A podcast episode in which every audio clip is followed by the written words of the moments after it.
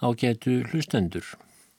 Þar er komið frásögn Grettis sögu af raunum Grettis Ásmundarssonar að hann hefur verið dæmdur í 20 ára útlegð vegna mandrápa og annara fremur leiðra upp á tækja og í tvo áratugi á hann sem sagt að vera réttræpur hverju manni ef hann finnst í mannabygð.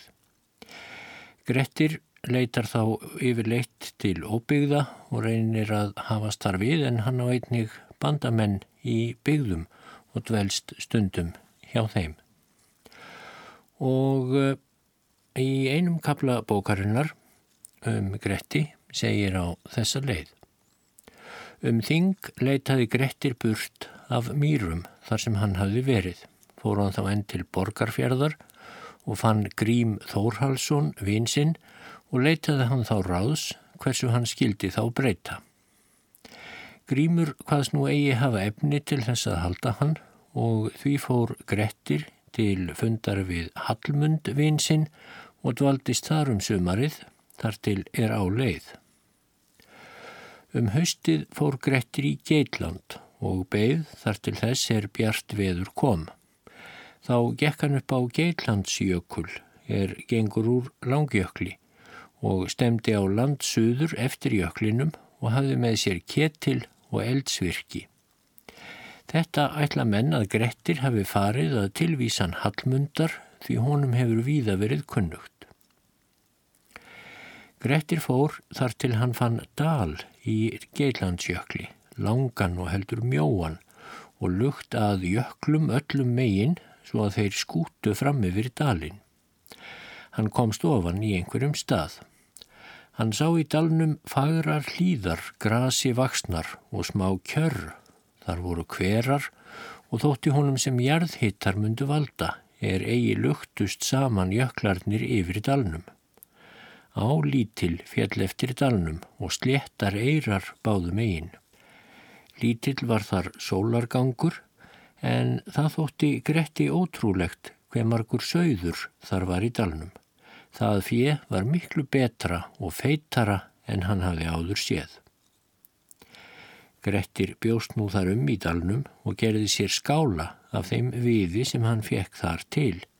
Tók hann sér nú sögði til matar. Var þar einn sögður betri til niðurlags en tveir annar staðar en hær mókollótt var þar með dilki, svo er honum þótti mest afbragð ívera fyrir vakstarsakir. Var Gretti forvitni á að taka dilkin og gerði hann og skar síðan dilkin. Hálf vætt mörs var í dilkinum, en hann var þó öllu betri. En er mókolla misti dilksinn, fór hún upp á skála Grettis hverja nótt og jarmaði svo að hann mátti öngva nótt sofa. Þess yðræðist hann mest er hann hafði dilkin skorið fyrir ónáðum hennar. Hvert kvöld er hálf rökkvað var, heyrði hann hóað upp í dalnum og þá hljóp fjöð allt til hins samabóls hvert kvöld. Svo hefur Grettir sagt að fyrir dalnum hafi ráðið blendingur, þurs einn, sá er þórir hétt og í hans trausti hafi Grettir verið þar. Við hann kendi Grettir dalinn og kallaði Þórisdal. Dætur hvað hann Þóri eiga og hendi Grettir gaman að þeim en það tóku þær því vel því þar var ekki markkvæmt. En þá er fastað var, gerði Grettir þá minningu að þá skildi geta mör og livrar um languföstu. Ekki bara til tíðinda um veturinn. Þá þótti Gretti orði þar svo döflegt að hann mátti þar ekki lengur vera fór hann þá burt úr Þóristal og gekk söður þversa af jöklinum og kom þá að norðan að miðjum skjaldbreið.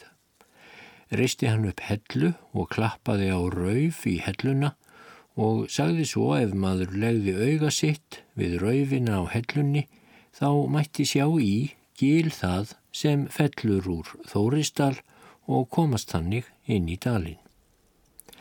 Síðan fór Grettir suður um land og svo til östfjörða. Var hann í þessari ferðu um sumarið og veturinn og fann alla hinn að meiri menn og bæði honum svo við að hvergi fekk hann vist nýja veru. Svo fór hann aftur hið nyrðra og dvaldist í ýmsum stöðum.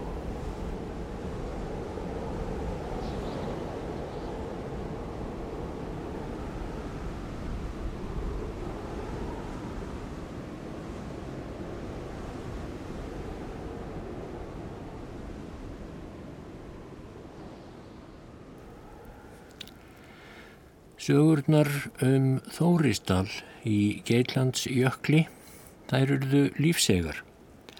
Hvort sem þær eru nú sprotnar upp úr Grettisögu eða hafa gengið staflaust áður en súsaga var skrifuð. Í bárðarsögu Snæfellsás er líka minnst á Þórisdal og eh, þar er nefndur til sögu glímumadur mikill Þórir úr Þórisdal en því miður ekki sögða honum öllu meiri deili. Þóristalur varð tákn fyrir leinilega byggð útilegu manna sem Íslendingar virðast hafa trúað árum saman að væri einhver staður upp á hálendinu, annarkvort í jöklinum eða kannski einhver staðar annar staðar. Ímsar sögur eru til um slíkan dal en í þessum þætti ætla ég að segja frá leit að Þóristal og einna fyrstu ferð sem farin var upp á hálendið til þess að finna dalin. Fyrsta staðfesta leitin af Þórisdal og fyrsta förin þangað var eftir því sem bestir vitað farin árið 1664 en þá verðast sögur um útilegumenn í Þórisdal þegar hafa gengið staflaust áratugum og öldum saman. Það var sér að Helgi Grímsson sem skrifaði um ferðina í Þórisdal árið 1664. Helgi þessi var sonur Gríms Jónssonar prests á húsafelli. Grímur var Sveitn Odds biskups Einarssonar og var með honum þegar biskup lagði eitt sinn á ódáðarhaun en í þá daga var afar sjaldgeft að menn færu yfir hálendið. Otur biskup hafði ætlað að njóta feildar þorðar nokkurs en hann mun hafa þekkt til á hálendinu og engum og sérilagi á ódæð og hraunni. Eh, í og hraunni voru útilegumenn líka sagðir hafast við rétt eins og í Þóristal. Eh, Þórður þessi kom sér fyrir á fyrirfram ákveðinum stað þar sem hann átti að býða biskups til að fylgjónum yfir ódáðarhaunnið en biskup tafðist og að lokum gafst Þórir upp og helt leiðar sinnar. En hann skildi eftir vísu sem alkunnu varð, biskups hef ég beðið af raun og byttið lítin ost, áður en egur lagði á ódáðarhaun, áteg þurran ost. Skömmu eftir burtför Þorðar, segir í biskupasögu Jóns Haldurssonar frá Hítardal, þá komu biskup og hans menn, lásu vísuna að ekki var upp á fylgd Þorðar framar að stóla, voru biskupsveinar í þá daga einhver aukvísar og þótti þeim langsamt að krækja norður til Mývatna og þaðan að ríða austur til Möðrudals, töldu þeir því biskupin á að leggja yfir ótáðarhaunnið. Hvaðust þeir fúsir til að voga á það með hans tilsjá og eftirtekt. Og ræðst það af fyrir þeirra um tölur að biskup og menn hans leggja á raunnið, en biskup segir og sínir leiðarstefnuna. Er þetta raun sagt að sé öðræfis víðátta, þó víða grasi vaksið, með engum merkilegum kennileitum, en vegalengt yfir hraunið beinleiðis svari einum áfanga. Sem þeir voru komnir austur í hraunið sló yfir þóku svo þeir vissu eigi hvar þeir fóru eða hvert þeir stemdu. Fóru þeir svo lengi villir vegar þar til þeir þóttust finna reykjarlikt og riðu eftir henni. Að lokum verður fyrir þeim lítill kotbær og nokkurt fólk er þar, karlmenn og konur og nokkur málnýta. Biskup namn þar staðar, let hann tjálta og hafði náttstað. bannaði hann mönnum sínum að grenslast frekar um háttu þessa ókunna fólks en let suma menn sína vaka um nóttina. Var honum veittur góður greiði og jafnvel honum sjálfum borin mjöður og einhver framandi drikkur. Var þetta fólk korki ómannalegt nýjaheldur þess búnaður.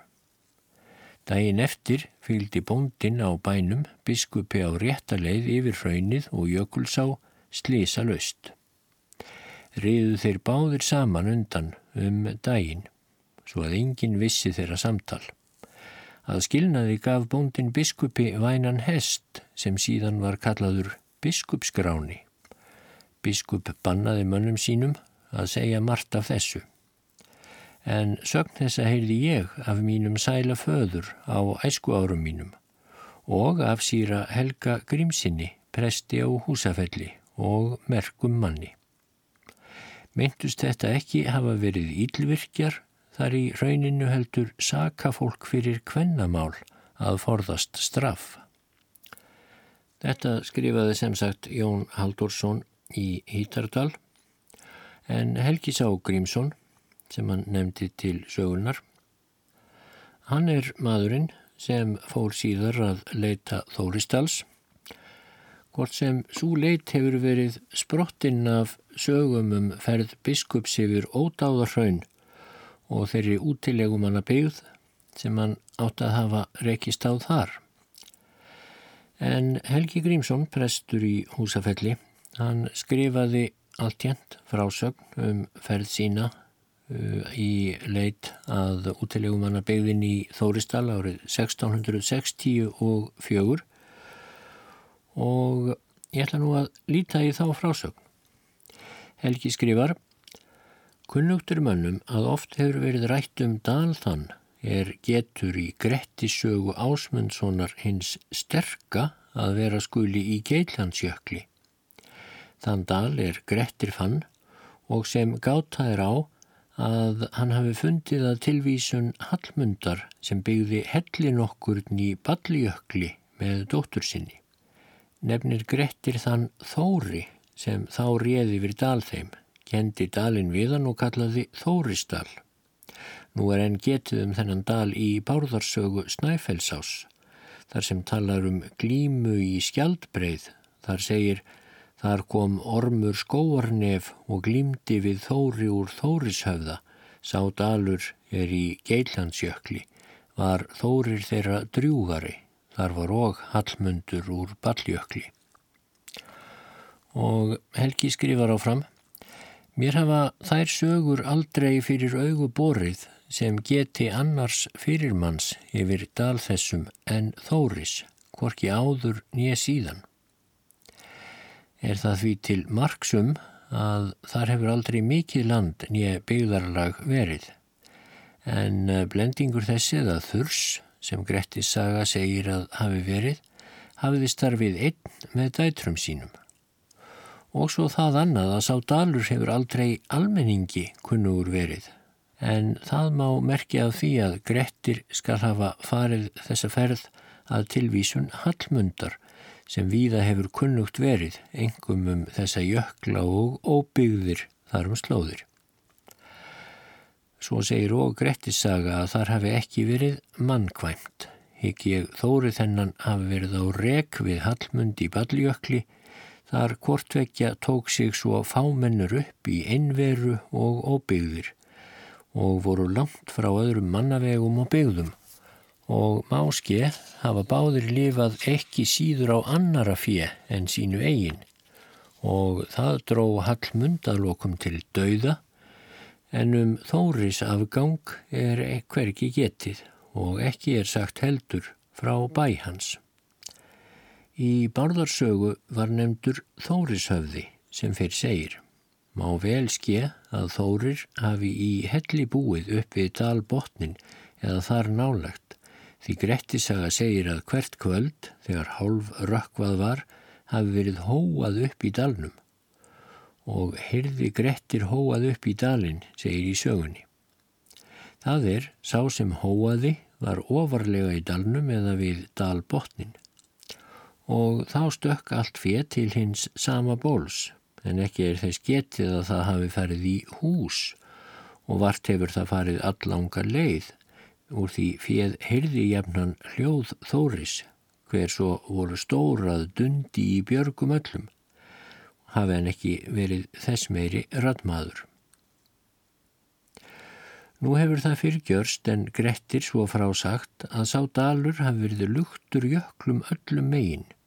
Það má þó ekki svo skilja að hvergi hafi á honum dýr verið því að gíl fjall úr honum, segir Grettissaga. En þennan dag mátti þó úr engri átt sjá, korki fyrir vestan af Kaldadal, nýja fyrir sunnan af Skjaldbreið, nýjað austan af Kjálvegi, nýjað norðan úr Geitlandi heldur jökul einn hvaðan sem til væri litið og því væri dalurinn í jöklum luktur. Gefur hér og um raun vittni að menn sjáð eigi nema jökul úr öllum þessum áttum en engan dal, hver þó eftir sögunni á þar að vera inni luktur. Og hér fyrir bæði er hann og hefur verið flestum önnum ókunnur þessi dalur. En þó hafa jafnan margar gátur verið um hvort þessi dalur myndi vera þar eður eigi, eða myndi þetta vera líga reynar sem mörgum er títt að evast nú um hinnar fornu frásagnir ef þeim þykja það er ekki líklegar. Og ef menn get ekki sjálfur komist að raunum það hver sannar þær eru.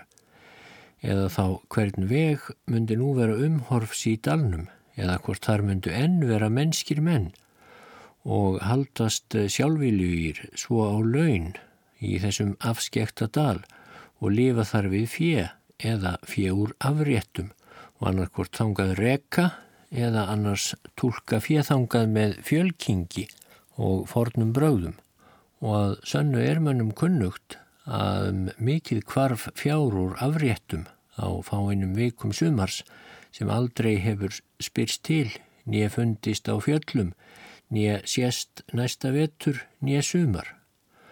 Og eh, gæti verið að fyrir lendi þar ófyrir sinju er það grísar vinda með jöklum, hitta fyrir dalin eða dyr hans og renna þar inn í dalin en komast því síðan þaðan ekki á brott því þar hefur næsta gott söðurland verið eftir því sem Grettir segir landkostir góðir og fyrir þessara landkosta sakir og fjárvakstar hafa menn síðan trúað að í Þóristal væri veður sældi mikil. Er klettar og hlýðar myndu valda því að þar væri gott skjól og hvaðu menn því svo væri ég einn sögðurinn í hlýðum skildi ég renna í áradal að forða mér hríðum. Líka hafa menn enn hyrt mælt víða í sveitum að eitt sinn var sögður kvít kollóttur með öðru safni í geillandsréttum. Sá sögður bara af öðrum að allri ásýnd, bæði vöxt og gjörfi, en þegar fjö var komið að réttinni þá byrtist þar maður og mælti svo. Nú erst þú hér komin Kollur Kollsson, skýt segði mesta í áradal. Greipan því sögðin og kvarf sem skjótast á braud og þess er ekki getið að neitt hafi þórað að forvittnast meir um þennan mikla mann og honum hafi engin eftir för verið veitt. Það var sumir haldið að dal þennan myndi byggja óvætti einn um langan aldur eftir dauða Þóris, fjölkingi full og fornesku og hafa því kallað Þórisdal Áradal og það nafn hefur helst verið notað á hann í daglegu tali, bæði nú á dögum og fyrir mörgum árum. Og munu þær álögur ávera með fjölkingiskrafti og formælum þeirra dalbúa þar að sá dalur myndi aldrei finnast, enda og engum hlýða eftir að leita, því að svo skildi morgunbæn þeirra þar vera jafnan þegar þeir stæðu upp og kæmu út skegg á valdi, skigg þú yfir land þitt, svo aldrei nái áradalur að finnast. Hvar af má ske að sumir hafi kallað Þóristal, en þetta er auðsær tilbúningur einn, því hvar höfum við séð það í sögum að nokkur hafi komið úr dalnum til að flytja okkur fregnir af þessari bæn. Því hlýtur þetta að vera dyktur einn. Nú er þó enn eftir að nefna það mest og nýjast af dal þessum að menn til vita að teitur nokkur mikil menni sem bjó í auðsholti fyrir austan skáholt, hann gerði sig að austan með flokkmanna og vopnaður vel og fór allt undir skjaldbreið eða hvað lengra undir jökulin. Hann fór að austan og náttaði þar og hugðist finna dalin. En það er sögn hans og þeirra sem með honum voru að þeim var valla vært um nóttina, gerði á þóku mikla og létti henni ekki upp fyrir þeir sneru hýbílum á leið heim aftur til byggða. En úr þókunni var svo kveðið, tröllin taka þig allan teitur ef fer þú að leita. Síðan hef ég ekki hirt getið um að nokkur hafi orðið til þess að eh, reyna að freista þess að finna upp eða leita að nefndum Áradal sem þó heitir með réttulegi Þórisdalur. Af þeim Þóri Þurs er þar bjó. En oftlega hefur dalurinn þó til umræðu komið, engum í héruðum þeim sem næstlíkja jöklum þessum austan og sunnan.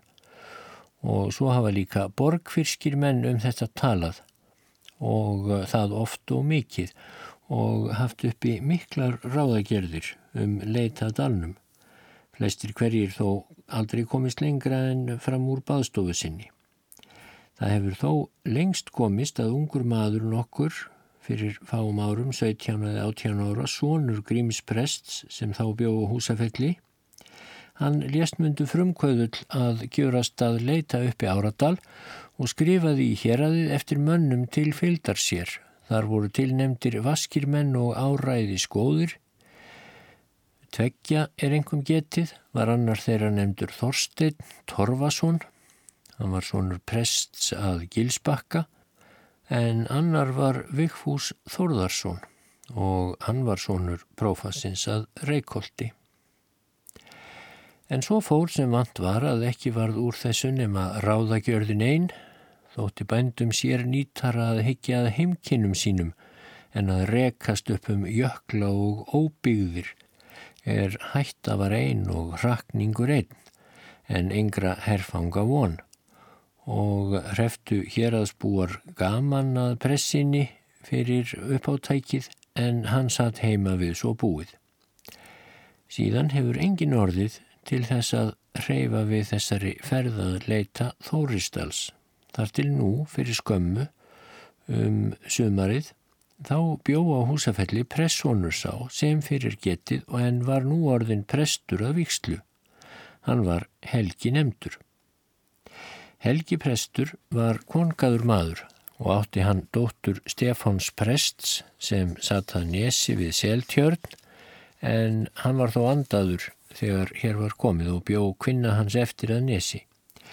Björn hétt maður, svonur Stefáns prests, hann var lærður maður og klerkur að vikslu Hann bjóðað snæjúlstöðum í Grímsnesi og söng þar að kirkjum um Grímsnesið. Björn var mikil maður og sterkur, ungur og ákventur, áræðismadur mikil og hugaður vel. Það var tíðinda um sumar þetta, sem nú er greint, að þeir mágar, Björn prestur og Helgi prestur, fundust þar söður að Nesi um alþingisleitið og voru þar nokkra nætur erinda sinna. Björn prestur hvað það ætlun sína að mágur hans væri allfróður í sögum og fornur ríti. Og þar kom nýður mál hans að hann frétti eftir um Þóristal, hvað Helgi ætlaði að vera myndi um þær sögur. Helgi prestur sagði slíkt sem honum þótti líklegast að eitthvað merki um dalin myndi meg að sjá af miðjum Geitlandsjökli sem lægi austanvert við Kaldadal Því væri dalur sá langur, þá væri hann annað hvort um miðjan jökulin eða sæist til hans af honum miðjum einhverjar líkur eða merki allavega. En af tali þessu kom það upp um sömarið að Björn Prestur reið við þriðjaman úr Grímsnesi og kom til húsafells um nótt til að hitta Helga Prest máksinn og sístur sína. Byrni Presti var vel fagnað en er hann hafi verið þar tvær nætur bjóst hann brott og fylgdi Helgi prestur honum á leið. Þeir riðu frá húsafelli öndverðan dag næstan fyrir Ólafsmessu fyrri, það var femtudag og gjörðu engin orð á um ferðir sínar. Þeir riðu brátt ekki almannaveg í fullt suður á fjall upp frá húsafelli fyrir vestan gíl það sem fellur fyrir ofan gljúfrið og það stemdu þeir beint suður á jökul þann sem okk er kallaður. Og er þeir komin norðanvert við okkjökulinn þá námið þeir staðar og skengdust um. Ungur maður nokkur var með í för. Björn hétt hann Jónsson á hömrum í Grímsnesi. Björn var maður skólagengin og mentaður vel. Nú þegar hér var komið, gjörðu klerkarnir bert fyrir byrni og hvaðust vilja leita uppi áradal sem lengi hefði verið haldið uppi getumum, letust þeir og staðráðunir í að stefna nú þangað hvert austur yfir miðjan Kaldadal og upp á Geitlandsjökul í austur þaðan og sögðu þeir svo að nú skildi þessi ferð ekki lengur yfir höfuð leggjast. Hvaðu þeir og Björn skildu fara með til forvitnis og frásagna og gæta hesta ef geima þyrti. Byrni þótti þetta allt físilegt og sagðist myndu fylgja klerkum hvað sem yfir gengi. Þá hafðu klerkarnir drengnokka nokkur ný ferð með sér, ekki mikinn. Hugðu þeir svo að ef þeir kæmu að áradal en síndist örvæntum að þeir kæmust niður í dalin, þá myndu þeir láta smápiltennan síga fyrir bergið og skiknast um. En ekki þurfti til þess að koma. Tjald höfðu þeir einnig og nokkur að nátta kost. Svo tóku þeir stefnuna sem fyrir segir í fullt austur, þar sem þeim síndist nokkuð af oki högva fyrir eins og jöklamót væru og sæist í dökk fjöll norðanvert en lág dælt í jökulinn að sunnan virtist þeim.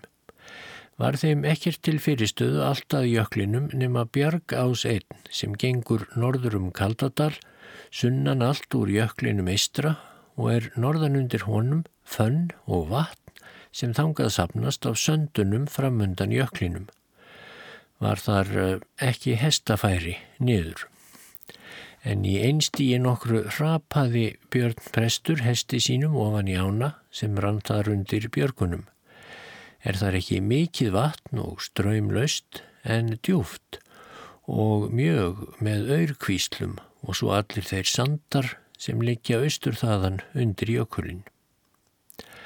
Á þessum vegi flög fyrir framann þá rafneitn sem kom norðan af jöklinum og leta hann ungum látum í þeirra eiru en stemdi beint út á okk.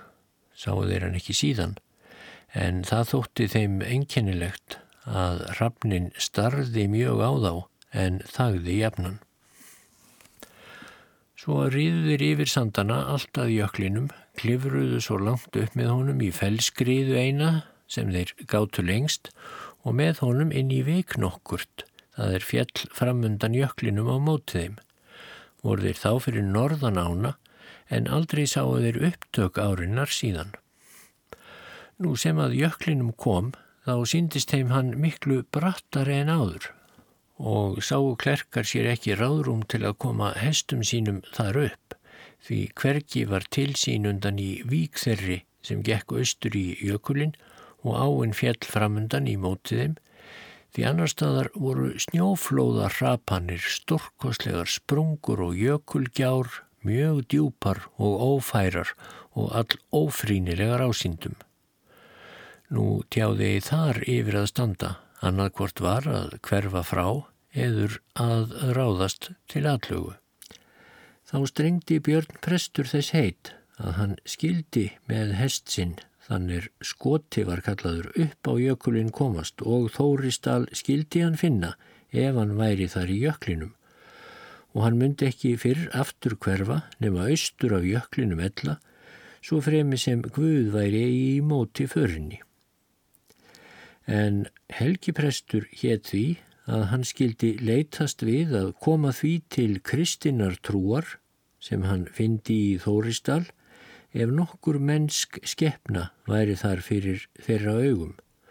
Og þeir mættu orðum við koma, hvort heldur hún væri karlkins eða kvenkins og samþykti Björn Prestur heitið að sínum hlut að veita þar til fortölur og orðaflutning ef Helgi Prestur þyrti við trúbóðið. Það voru og ummæli þeirra að þeir myndu þá strax skýra ef nokkur mennsk skefna þar trúni játaði og þekkjast vildi hvað svo sem síðar afgjörðist. Eftir þetta tóku þeir það til ráðs að láta þar eftir við jökulinn einn hest og tjald og fanns við stein einn stóran er það stendur skamta norðan frá ánni og eru á steini þeim vörður þrjár látnar til marka og þar eftir drengnokkin að gæta þessa og var hann vandlega ámyndur að láta þar fyrirberast hvað sem í gjörðist þánga til þeir kæmu aftur að nóttu eða annars dags forfalla laust. Síðan höfðu þeir sig af stað, klerkar báðir og björn hinn þriði, tóku þeir með sér brauð og eina brennivínsflösku. Gáðu þeir áradals menn myndi vera óvanir brennivíni. Vopn höfðu þeir engin í ferðinni og vildu þau engin hafa nema smáknýfa eina og sitt stjakabrót hver við að styðjast um jökulin ef þyrti. Ekki ætluðu þeir og til neina mandrápa að gjörast, nýja vinna neitt megin þeim sem fyrir væru í Þóristal, ekki að fyrrabræði allt jænt. Nú stíga þeir á hesta sína og ríðu alla leiða að jöklinum og klifruðu svo langt upp með honum í fellskriðu eina, norðanvert við jökulvíkina sem þeir gáttu lengst komist og letu svo hestana rapa ofan eftir skriðunni á jökulfennina fyrir ofan árfallið og gjána Þar var fyrir sléttafönn sem vel mátti ríða og það lengi eftir jöklinum að þeim virtist í fullt söður eða lítið austar. En þegar dróaf þeirri lægð og herra bara aftur á jöklinum, þá var ber svelljökull þar, fann laus, fullur með gjár og sprungur og lágu flestar sprungurnar þvert fyrir þeim, svo sem jöklinum hallaði norður en þeir sóttu þá austur á sem mest og þessar gjár voru sumarfullar með vatni og flóði svo úr þeim ofan um jökulrauvarnar. En sumt vatnið kvarf aftur í fannir þar og þar en sumstaðar riðuðir vatnið á svelli svo sem á vordegi þá mikið leysing er í begðum. Ekki höfðu þeir tölu á gjám þessum uppi á jöklinum, helst fyrir það að þær voru engar sem ekki mátti yfirkomast annarkort hátt upp á jöklinum, suður og endanum eða þá með því að fara lægra norður og ofan. Sumar voru ekki stærri en svo að yfir mátti stökva eða sneiða fyrir þær með öllu og með þessu móti komist þeirra lokum af svellajöklinum. En það var ráð þeirra ef nokkur væri sprungan svo laung að ekki mætti komast fyrir hana á þeirra leið að þeir myndi bera í hana snjó og tróða hana svo mjög að hann yrði að brú frekar en að þeir þyrtu að hverfa frá. Nú tók aftur fann við og hana reyður lengi. Þar var ásmikill og þungfært mjög því veður var lengidags engar fagurt, heitt og blítt og erðir áttu skamt eftir þangað sem þeir hugðu jökulinn myndu vera hæstan Þá setti gúlp á jökulin á tvær hendur, fyrir sunnan og norðan, en loftaði undir þvert austur yfir jökulin, svo að heiðan sá heiminn rétt fyrir stefnu þeirra. Bar það svo til að jöklarnir eru tveim megin að miklu herri, en dælt þessi og lægði í jökulin þar austur af. Ekki léttu klerkar ferðsynni við þetta og hvaðu það undur leysu þótt þoka leiðist á háfjöll. Um það byl heyrðu þeir ár nið undir fótum sér, en enginn sáði líkindi til vatns. Gáttu þeir að ásúmyndi falla norður í dallendi á hájöklinum og þar deilast undir jöklinum og ymsa vegu framkoma, því þeim þótti niðurinn miklu meiri en svo að svo á einn geti valdið honum sem eh, fellur úr jöklinum og þeir höfðu þegar yfir riðið. Eftir þetta sóttist jökullin og komu þeir á bera jörð en ekki gras. Þar var sléttur mógrítis hryggur, svo sem gíl þröm og þaðan tók jöklinum mjög að halla austur en öðrum hluta í landa norður og var jökullin þar flatur mjög eins og dalur um þveran jökullin og sá sem staðar að stóðu upp úr svartar klettasnasir og gnýpur en að norðan til voru fell mikil samfest með jökulskriðum og fönnum en hverki gras í og var þar miklu herra upp á jökulin norðanvert.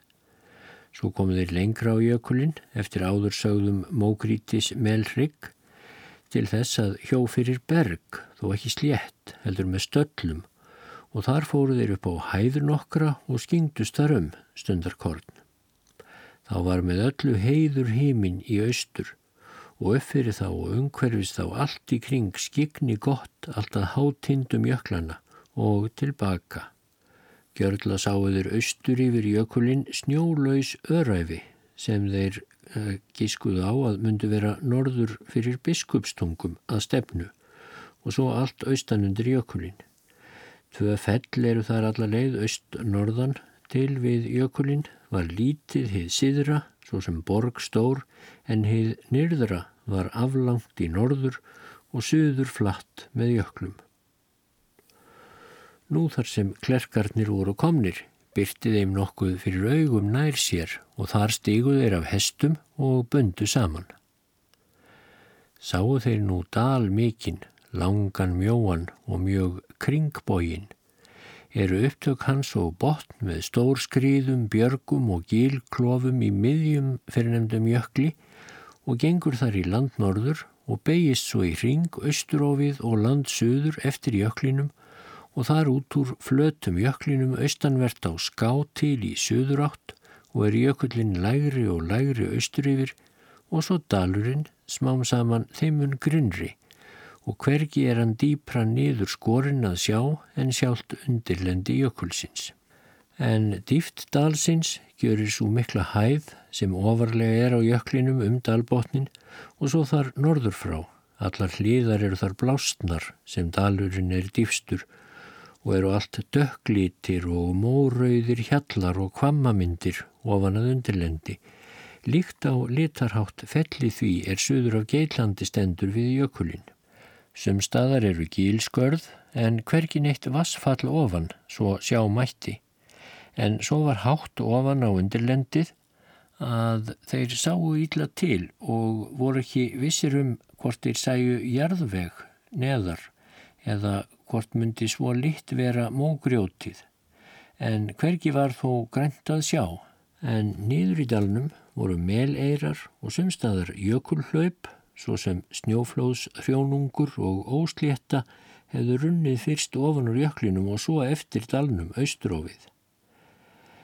Hvergi var í dalnum klifað sjá, engin foss og ekkert vassfall, aðeins vassdrefjar mjög litlar, ströym litlar að sjá, svo það dróst sumstaðar svo sem í smá lón eða tjarnir og það lengst söður á eftir dalnum.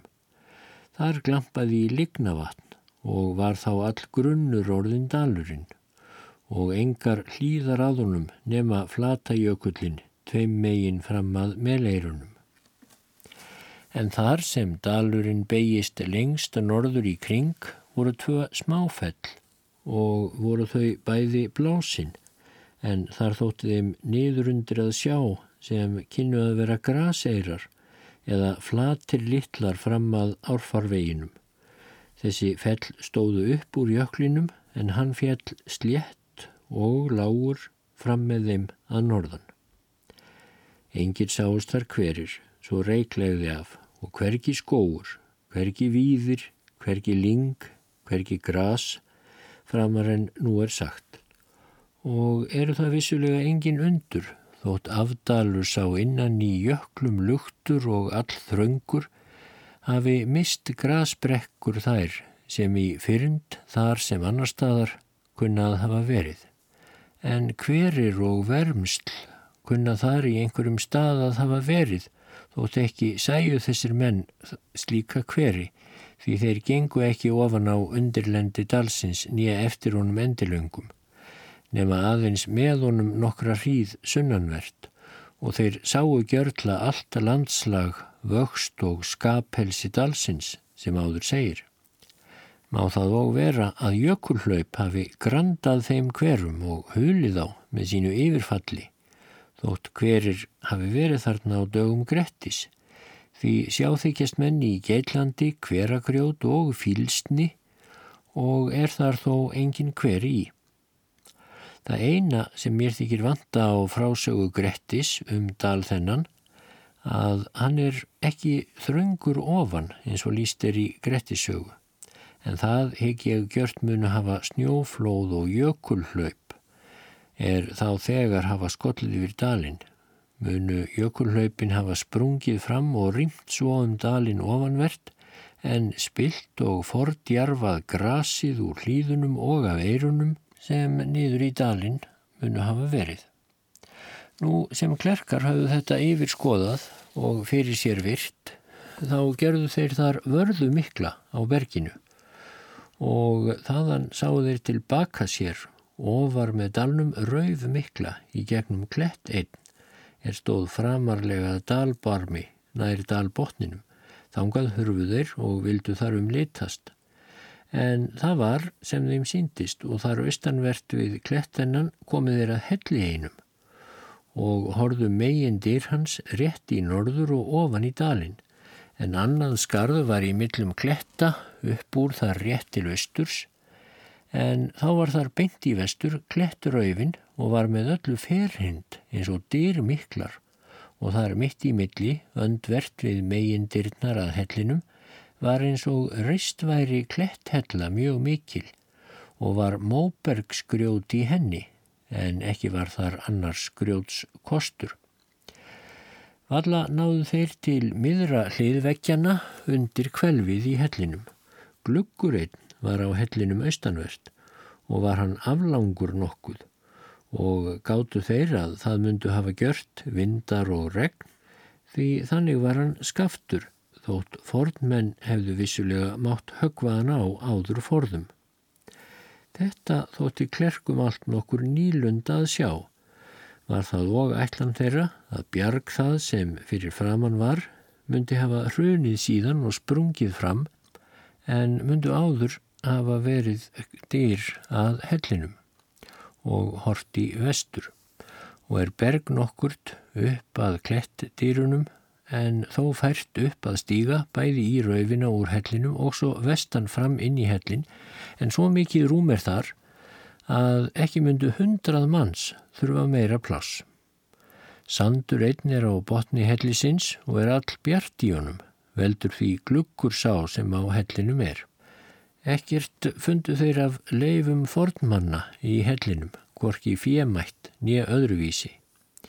En þó var það tilgáta þeirra að í þessum helli myndi Þórir Þurs hafa búið með dætrum sínum. Því þar næst á tvær hendur eru þær hæðir þar sem við sínast erum dalinn. Þarna gerðu þeir með knífi mörg nafna sinna á bergið. Fyrsta staf nafn síns hver með latínuletri Björn Prestur gjörði B og S á klettahellu þá sem gagvart stóð og austurdyrnar liggja við en Helgi Prestur gerði sitt mark eitt há á flatveg hellisins þeim austara innanvert niður undir glukkanum og er það djúpast gjört í bergið og mun lengst mega til sjá en Björn Jónsson gjörði sitt mark þar gengt á vesturvegin. Að þessu starfi loknu settust þeir þar nýður austanvert við hellin og snættu þar og drukku svo litið brennivín og gáttu þeir sér þess til að ekki myndu nýlega menn hafa matast í þessum helli nýja drukkið brennivín. Þá var mjög kvöldað og þóttust þeir ekki meg að dvelja þar lengur. En þó fóru þeir nú eftir þetta upp á fjallsknýpu þá er vestur er frá hellinum og gengur jökulfönn lág mikil í milli og þóttist er vita að sjást mundi af Kaldadal. Þar var þeim mjög torvelt upp að klifra og kvíldust tveim sinnum áður en þeir komist upp. mátti engin eftir öðrum fara því klettar og lausagrjót hrundu þá þeim næsta til meins sem reyndað komast upp og klifraði því hver sem síndist. Réð Björn prestur fyrstur til en Helgi prestur komst þó fyrstur upp. Gnípasú er þar uppi svo kvöss að ekki máttu þar meir en þrýr menn umhverfis hann að staðið geta. Eftir það gjörðu þeir vörðu eina þar efst á gnípunni og settu í hana hellun okkra sem þeir fundu þar, stendur svo efst upp úr vörðunni, þar er rauf á hellu þeirri sem ekki var þó af þeim gjörð. Ekki er hellan mikil, hún er skorðuð með steinum vörðunar, en leggjum aður auða sitt vestanvert við rauf þessa, þá sér austur um klettdyrnar sem áður er getið fyrir framann hellismunnan og um hliðið sem þar er og svo beint austur í vörðu þá sem þeir gerðu þar austur á berginu þegar þeir komu fyrst að dalnum. Og allt þetta sem nú er sagt skal vera þeim til hjartekna er þangað koma eftir þá að nefndir prestar hafa þennan dal fundið og hafðu fyrir satt að væri þóristalur þar sem Grettir Ásmundsson valdist veturreitn í útlegð sinni og sagt hefur verið frá. Mun það og víst vera að það er lítill sólargangur um vetur því fyrir söðrinu er jökullin hæstur en austan í dalnum má sól skína upp frá því að mjög tekur að vora svo að sól komi upp í fullu austri og þaðan á norður.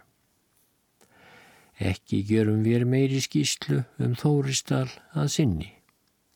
Eftir þetta snýru prestar aftur sömu leið og skildu um nóttina á miðjum Kaldadal og reið Björn prestur söður af en Helgi prestur norður af og fór svo kort til sinna heimkynna og þóttust þeir nýja stegu hafa kannad er enginn hefur gert som en viti síðan um grettistaga og líkur hér þessari frásögn sem rituð er eftir sjálfra þessara presta frásögu sama sumar og áður getur 1660 og fjögur.